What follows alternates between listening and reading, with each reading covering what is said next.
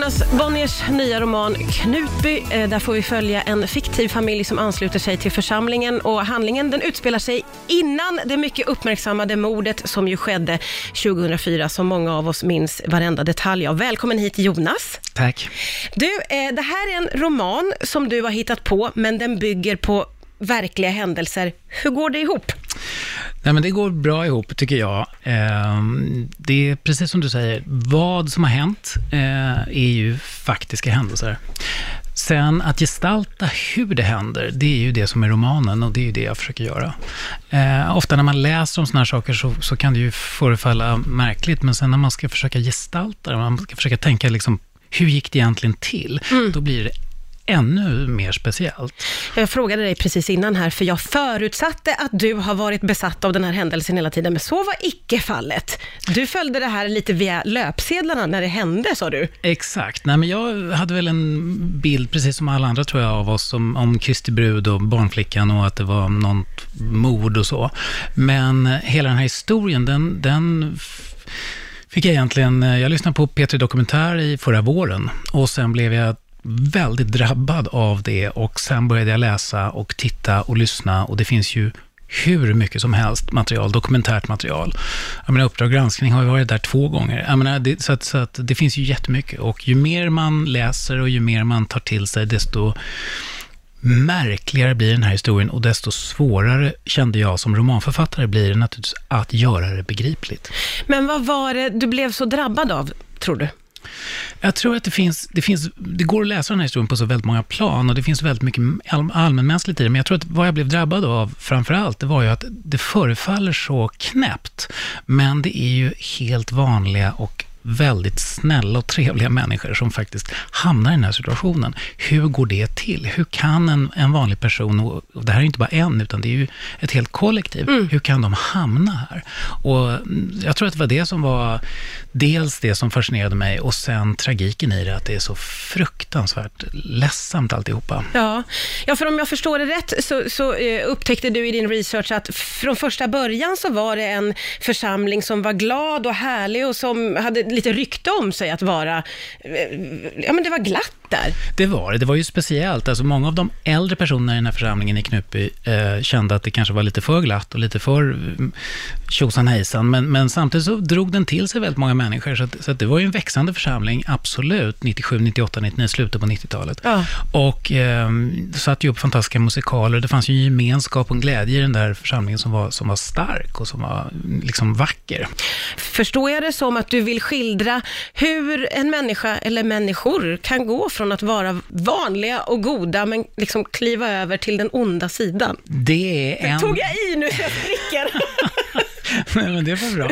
Alltså jag upplever liksom att alla historier, alla berättelser, alla filmer handlar väl i grunden om det, va? Hur man går från, från alltså i varje fall kontrasten mellan gott och ont. Och Ja. här, det här är ju ett sätt man kan se den här berättelsen på, tveklöst. Att, att här är det en massa goda människor som som hamnar, som försätter sig själva, skulle jag säga, i omständigheter som gör att de till slut inte längre klarar av att vara goda. De utsätter sig för frestelser, de, de, de ger sig själva en makt som, som blir så lockande så att de inte kan låta bli att missbruka den på något vis. Alltså, Men är det det som sker, skulle du säga, i den här församlingen, eh, att, att det blir ett väldigt, väldigt eh, maktmissbruk, att det går överstyr? Ja, det sker ju många saker och jag tror att man kan läsa den här romanen på, baserat på sina egna erfarenheter och kanske hitta, hitta egna historier i det. Men det är absolut, en av historierna är ju tveklöst det, att de, att de känner sig så pass utvalda eh, och speciella så att, så att de någonstans känner sig mäktiga och sen efter ett tag så frågar man sig vad ska man göra med all den här makten och sen så hittar man sätt att manifestera den och sex och pengar är ju klassiska sätt att manifestera makt. Mm.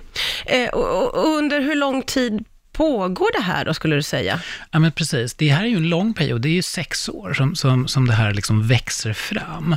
Så att, så att saker som verkar märkliga när man bara hör dem, då ska man ju komma ihåg att det här är något som man pratar om vid ett vid pastorsmöten vecka efter vecka efter vecka flyttar, flyttar gränserna långsamt, långsamt. Alla liksom når en konsensus. Och jag tycker också att det är en väldigt svensk idé det här med, med, med, istället för att det är en sektledare som har en stor vision och som kommer någonstans och berättar om det, så är det här en grupp människor som tillsammans snackar ihop sig om en ny verklighet långsamt och kommer överens om vad som är rimligt och inte. Och sådär. Mm.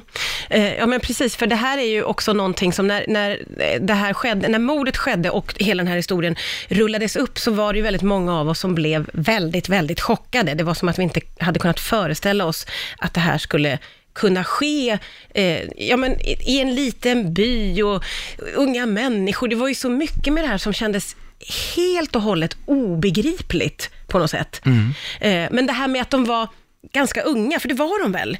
Det, var, det beror ju på hur gammal man är. Ja. I mitt perspektiv så är de jätteunga. Va, men ja, okay, men de, man de, kan säga så här, mellan 20 och 30. Ja, men okej, okay, så det är ändå en, en ganska ung församling. Hur mm. tror du det liksom påverkade vad som skedde?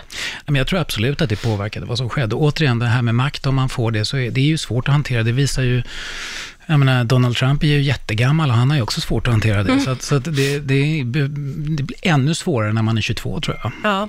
Du berättade ju här att när du väl började liksom researcha och ge, ge dig in i det här så blev du väldigt absorberad, som du säger själv. Eh, Va, va, hur, jag är fortfarande så nyfiken på, eh, du vill få med mycket från verkligheten, men så får din hjärna också spela fritt. Den får spela väldigt fritt. Ja. Och, och det är ju liksom ett problem som min hjärna har, att den spelar lite väl fritt. Och därför så passar det här formatet mig väldigt väl. Alltså att ha en verklig händelse som, är, som jag måste hålla mig till och som ja. jag inte får liksom gå utanför. Eh, och då blir fantasin rimlig. Eh, när det inte finns några liksom gränser, då blir det lite lätt orimligt. Så att, så att eh, det här passar bättre.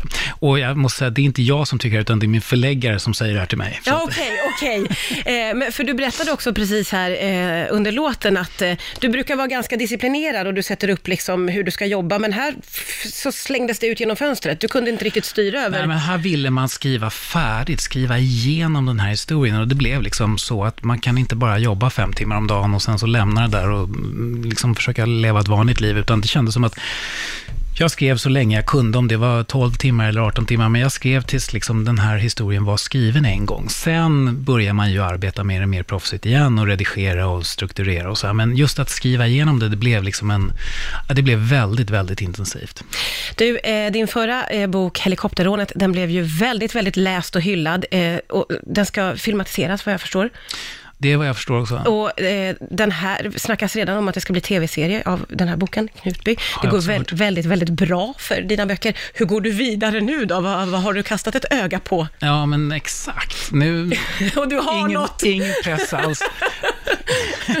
Gör något kul bara du. Nej, men eh, jag försöker ju naturligtvis hitta någonting som är intressant, men, men det, och det finns ju massor av historier, men, men framför allt så blir det ju så att man måste ju själv bli så här absorberad av det för att det ska kunna bli bra, tror jag. Mm. Eh, det, och, och så, att, så att det gäller dels att hitta en spännande historia, och sen för mig så tycker jag det gäller att göra något som jag inte redan har gjort. Helikopterrånet var ju en en heistbok och en ganska glad bok. Alltså, mm. Det var ju nästan en komedi. De här personerna är ju fantastiska. Mm. Det här är ju en väldigt tragisk bok och det är en relationsroman eftersom själva brottet sker två, två sidor innan slutet. Det här är ju historien fram till brottet Just. som jag berättar. Mm. Så att det gäller att hitta någonting som jag inte har gjort förut, som är verkligt, som förhoppningsvis folk är intresserade av och som jag själv blir passionerat intresserad av. Eh, jag letar vidare. Ja, vi får helt enkelt se. Eh, nu får vi vara i stunden eh, och eh, eh njuta av att romanen Knutby är här. Tusen tack för att du kom till Rix FM idag, Jonas Bonnier. Tack för att jag fick komma.